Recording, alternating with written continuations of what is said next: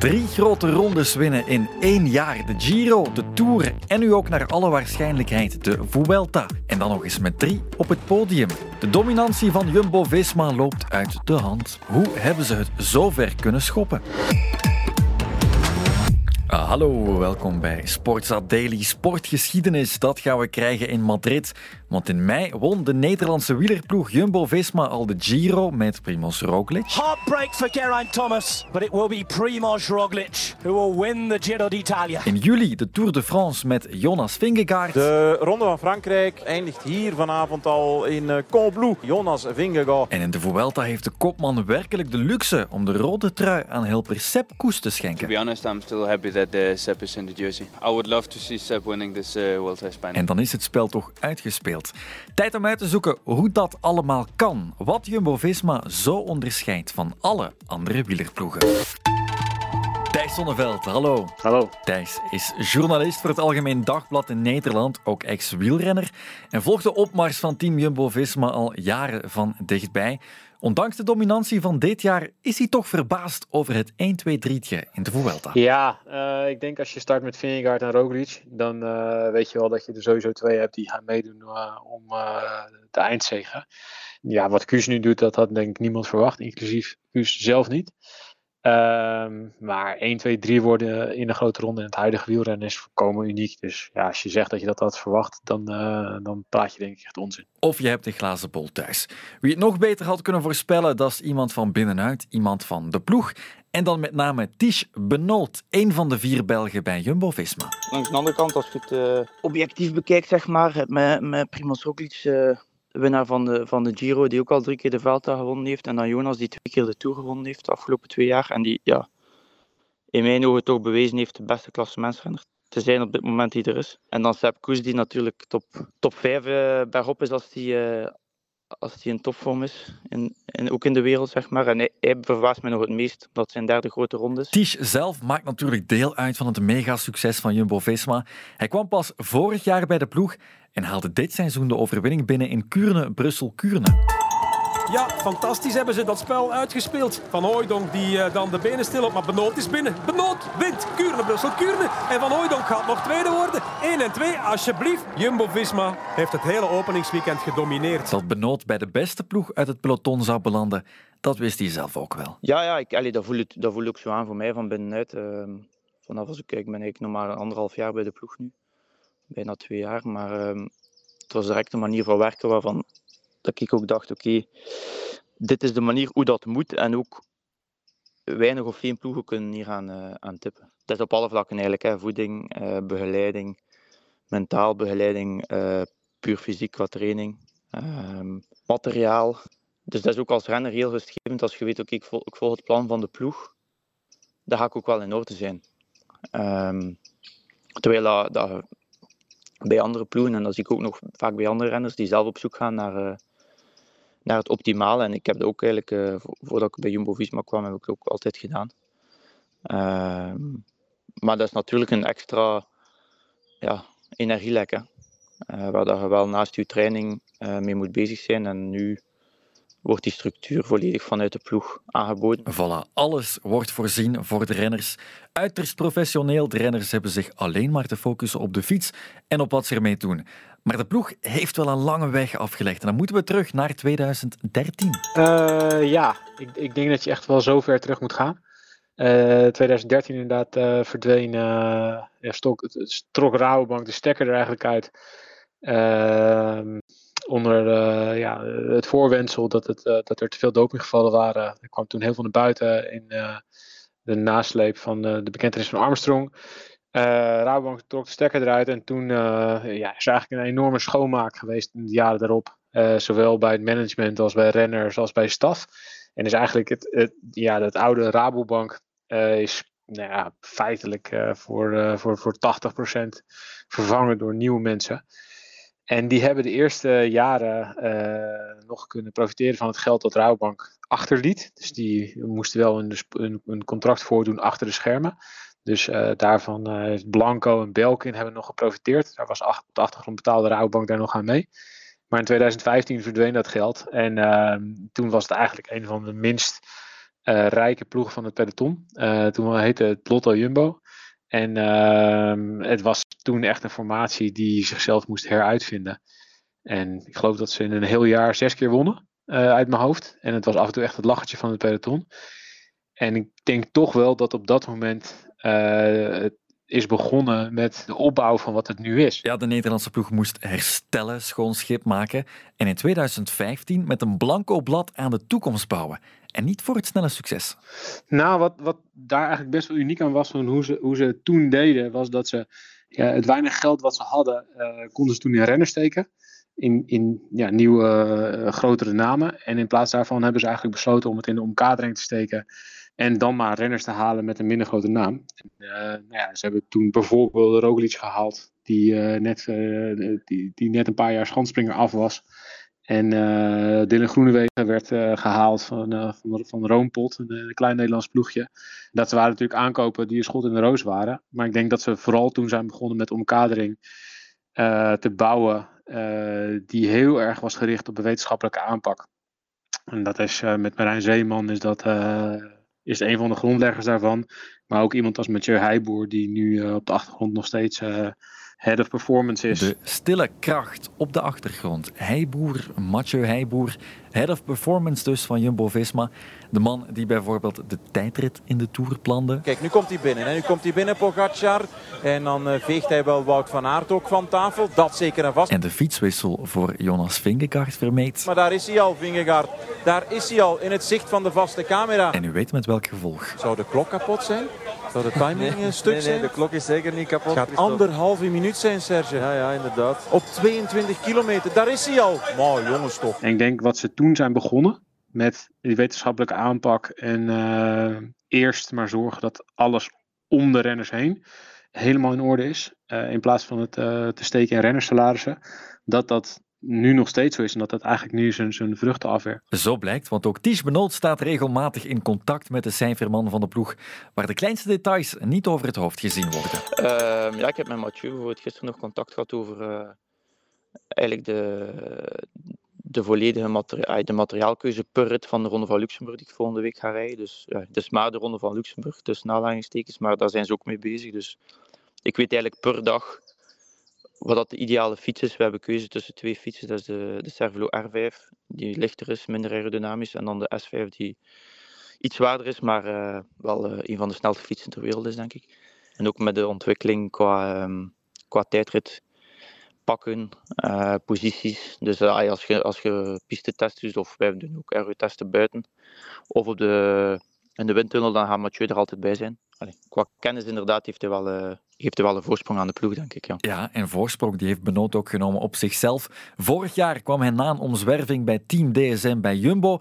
En daar heeft hij geen moment over getwijfeld. Uh, ja, door omstandigheden ben ik vorig jaar uh, einde van het seizoen op zoek gegaan naar een nieuwe ploeg. Op die manier uh, ben ik bij, bij, bij Jumbo-Visma terechtgekomen. Dus wel een ploeg die ik natuurlijk, waar ik, waar ik graag bij, allez, bij had gereden, zeker op dat moment. En het is wel het is een, speciaal, het is een speciaal ploeg in die zin dat ze in 2015, 16 nog helemaal onderaan aan de World Tour, in het World Tour klassement stonden. En uh, wat eigenlijk, ja, toen denk ik niet veel renners wilden voor gaan rijden. En nu, nu stromen de, de sollicitaties binnen. En uh, vorig jaar ja, heb ik de kans gehad om. Uh, hij was direct een goed contact met, met Marijn Zeeman en Richard Plug. En dan had ik altijd geluk dat ze nog een plekje over hadden ik heb nog absoluut geen spijt gehad van die keuze. En ondanks zijn aankomst op zijn 27e boekt hij er wel nog veel progressie. Ik, ik denk van wel. Ik heb, uh, als je mijn laatste twee jaar bekijkt, heb ik ja, vorig jaar drie, drie keer podium in uh, World Tour dagskoers, terwijl ik maar een half seizoen heb gedaan. Uh, door mijn val na de Tour. Ehm, en dit jaar win ik Kuurne Brussel Kuurne. Rijd ik ook finale van heel veel mooie wedstrijden. En ja, voor mij om, om, om twee keer bij die toerens te zijn, is iets is dat speciaals. Maar wat ik ook denk dat ik fysiek wel beter was dan vroeger. Omdat ja, het niveau op zich gaat ook gewoon omhoog. Als ik de, de snelheden voor het verkijk. En dat is wel een, een goeie om te doen. Of ja, een uh, vrij objectieve waardemeter uh, op het rondje in Quebec. Wordt er zoveel sneller gereden dan, uh, dan de eerste jaren, 15, 16, 17. En ik heb toch allee, niveau kunnen houden of, of, of, of verbeterd ten opzichte van, van de concurrentie. Uh, dus ik denk wel, uh, of ben eigenlijk zeker dat de ploeg daar, uh, daar een aandeel in heeft. Hè. De ploeg heeft een aandeel in de verbetering van Benoot en uiteraard ook veel in die van Jonas Vingegaard. Tweevoudig toerwinnaar die alles behalve als superster binnengehaald werd. Ja, ja ik denk dat hij echt een, een, ja, een renner is die ze jong al hebben gescout. Waarvan ze hebben gezien dat dat fysiek gezien een enorm talent was dat dat nou, op dat moment helemaal niet een van de grootste talenten was qua uitslagen. Dat was ook wel vrij duidelijk. Want als je nu gaat terugzoeken in zijn uitslagen destijds, dan zie je dat hij bijvoorbeeld een hele goede klimtijdrit reed in de, volgens mij in de Baby Giro. Maar dat hij verder, ja, dat het niet echt fantastisch was. En dat hij echt nog moest leren koersen en dat, hij, dat er nog op heel veel manieren aan gesleuteld moest worden. Ook aan het karakter bijvoorbeeld. In 2019 klonk Vingegaard nog zo. I'm a very quiet person maybe a little bit shy. Verlegen en een stille jongen. En leerde hij de taal ook? I learn on, on the phone and I have to learn like uh, ik ben een banaan. En die banaan is ondertussen flink gerijpt. Ik denk wel dat dat ook wel een klein beetje de, ja, misschien wel de maakbaarheid van succes in wielrennen uh, bevestigt voor, voor Jumbo-Visma. En natuurlijk moet er heel veel mee zitten. En natuurlijk moet iemand als Vingegaard moet ook het, het vermogen hebben om al die dingen te ontwikkelen. En er zijn ook genoeg talenten bij wie dat niet lukt. Maar uh, ja, ze slagen er toch wel in bij veel renners uh, om en de juiste scouting uh, voor elkaar te krijgen. Dus dat ze de beste, de juiste renners scouten, maar dan ook nog het maximale uit die renners te peuren. En dat kan alleen maar als je op alle vlakken in, de beste begeleiding hebt. En daar investeren ze wel echt zoveel in. Ja, de maakbaarheid van wielrennen. Het is al vaker gezegd, voor Jumbo-Visma lijkt het soms een beetje PlayStation spelen. Maar nog meer maak je een mooie vergelijking met Pro Cycling Manager. Computerspelletje waarin je een carrière als hoofd van een wielerploeg simuleert en eens je de code kraakt, kan je zo'n volledige dominantie van het spel nastreven.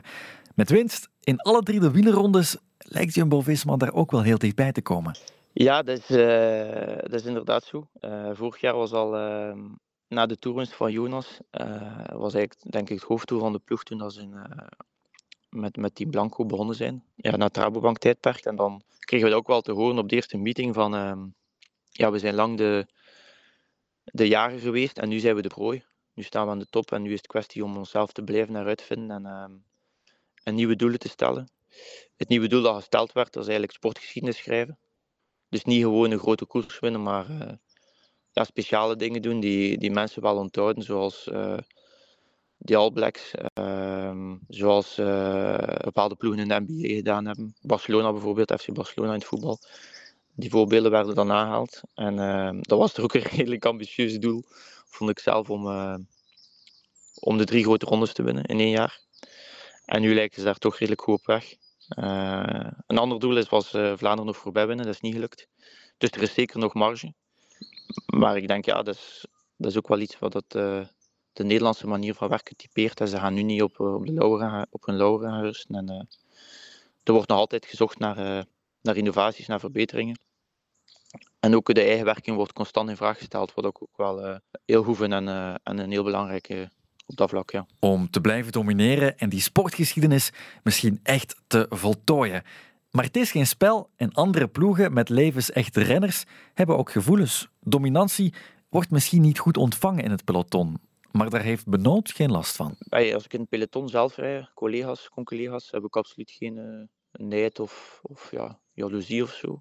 Uh, als je natuurlijk op Twitter leest, de, ja, de gemiddelde keyboard warrior, om het zo te zeggen, die, uh, die is niet echt van natuurlijk. Maar dat was denk ik in de, in de periode van Team Sky bijvoorbeeld, was dat ook niet het geval. Natuurlijk, voor mij is het heel mooi nu om, om te zien wat er in de veld gebeurt, maar ik denk dat dat ook niet het is misschien niet het beste dat wielrennen kan overkomen. Hè. De vorige dominante periode in de koers, dat zou dan die van Team Sky zijn. Daar waren veel mensen het over eens dat dat ongezond was voor het wielrennen en dat het ook gewoon slechte reclame was. Um, nu is er niet per se minder sceptisch, vindt Zonneveld. Ja, ik weet niet of dat zo is nu. Ik denk dat uh, met de derde grote ronde winnen en dan ook nog 1, 2, 3 op het podium, dat de hoeveelheid sceptisch behoorlijk toeneemt.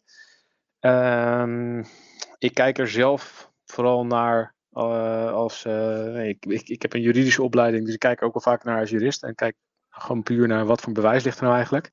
Ja, als je puur gaat kijken naar de feiten, dan ligt er bij, bij Sky was er een, waren er een, een oud dopingarts met Geert Leinders was daar aan het werk geweest. Chris Froome testte positief op uh, Salbutamol. Ehm, en er waren, ja, de manier hoe zij omgingen met, met, met moeilijke vragen was echt wel totaal anders dan Jumbo-Visma nu doet. Ik werd bijvoorbeeld als journalist bij Sky niet toegelaten om, om vragen te stellen. Ik stond gewoon op een zwarte lijst. En als ik bij Jumbo-Visma vragen stel, als ik wil weten wat uh, de vermogenswaarden zijn van Vingegaard of van Roglic, dan heb ik ze de volgende dag in mijn mail zitten. Dat is toch wel heel anders. En bij Jumbo ligt er nu, eigenlijk ligt er één zaak als bewijs dat er, uh, dat er uh, doping in de ploeg is geweest, naar alle waarschijnlijkheid. Uh, in ieder geval iemand betrapt en dat is Hesman, Michael Hesman, die een paar weken geleden een, een positieve test afleverde op een plaspil. Dus ja, als je dat afzet tegen alles wat er bij Sky gebeurde, dan vind ik eerlijk gezegd uh, ook wel logisch dat er bij Sky meer sceptisch uh, was dan bij Jumbo. Die openheid is een belangrijke factor om alles gezond te houden. Kan het ook blijven duren, die dominantie? En waar liggen dan de uitdagingen voor de andere ploegen? Nee, ja, ik denk ook wel dat het echt een, uh, een, een, ook wel een wake-up call is voor heel veel van de concurrenten. Um, kijk, als je ziet wat Pogacar en wat UAE doen in de tijdrit, in de belangrijkste tijdrit in de Tour, dat ze daar starten met een fiets die uh, waarschijnlijk een, ongeveer een kilo zwaarder is dan die van Jumbo-Visma en dat ze um, moeten gaan wisselen naar hun gewone fiets op het beslissende klimmetje. Um, ja, dan zie je gewoon dat ze daar scheppen met tijd verliezen. Ik denk dat er ook wel echt wel veel ploegen zijn die zichzelf soms achter de oren moeten krabben. Uh, over de professionaliteit van, van, van Jumbo. En dat geldt ook, ja, iemand als Matteo Jorgensen, wat een van de grootste talenten van het peloton is. Ja, die gaat niet voor niks naar Jumbo. Die moet bij Movistar zijn eigen trainingskampen betalen en zijn eigen windtunnel testen. Ja, als je tegen dat soort concurrentie oprijdt als ploeg die dat wel allemaal regelt, ja, dan uh, ligt het niet alleen maar aan jezelf, maar ligt het ook wel aan het falen van de concurrentie. Dus ik denk dat het daar ook wel een grote uitdaging ligt voor heel veel ploegen. Om uh, ja, hun eigen professionalisme zover aan te scherpen dat ze op het niveau zijn van, van Jumbo-Visma. En misschien is dat ook wel een van de redenen nu dat, uh, dat, ja, dat we die hele soap rond Remco Evenepoel hebben gehad. Omdat hij natuurlijk ook ziet, ja, ik wil eigenlijk datzelfde niveau van wetenschappelijke aanpak uh, om mij heen ook hebben. Ja, de vraag wat had Remco Evenepoel in deze Vuelta gedaan in het geel en zwart is geen onlogische, omdat we weten hoe zij werken en hoezeer de renners ervan kunnen profiteren. Maar omdat het allemaal geweten is, kunnen ploegen dat in principe ook overnemen, nabootsen. En dan geldt de wet van de remmende voorsprong ook voor hen. Ja, uiteraard. Ik denk dat die voor iedereen geldt, zeker in de sport. Ze proberen die te verbreken door, door wel, um, zoals ik zei, jezelf in vraag te stellen, et cetera. Maar um, er gaat sowieso een dag komen dat, dat, uh, dat er iemand uh, een beetje vernieuwend komt waar wij nog niet mee zijn. En dan, um, dan gaat het daar weer dat, die, dat voordeel verliezen. Maar ik zeg, het is ook alleen maar goed voor de sport. Hè. Ik denk dat die een dag zeker komt. En uh, hopelijk voor mij wordt die nog even uitgesteld. Maar die gaat er zeker aankomen. Ooit komt de dag, maar nu nog niet. Jumbo-Visma wint straks zijn derde grote ronde in één jaar. De Giro, de Tour en de Vuelta. Sportgeschiedenis schrijven doen ze hier al en ze zijn niet van plan te stoppen. Hoe ver kan het nog gaan? Dat zal de tijd uitwijzen. Sportsa Daily gaat van zijn weekend genieten en is er maandag terug voor een nieuwe aflevering.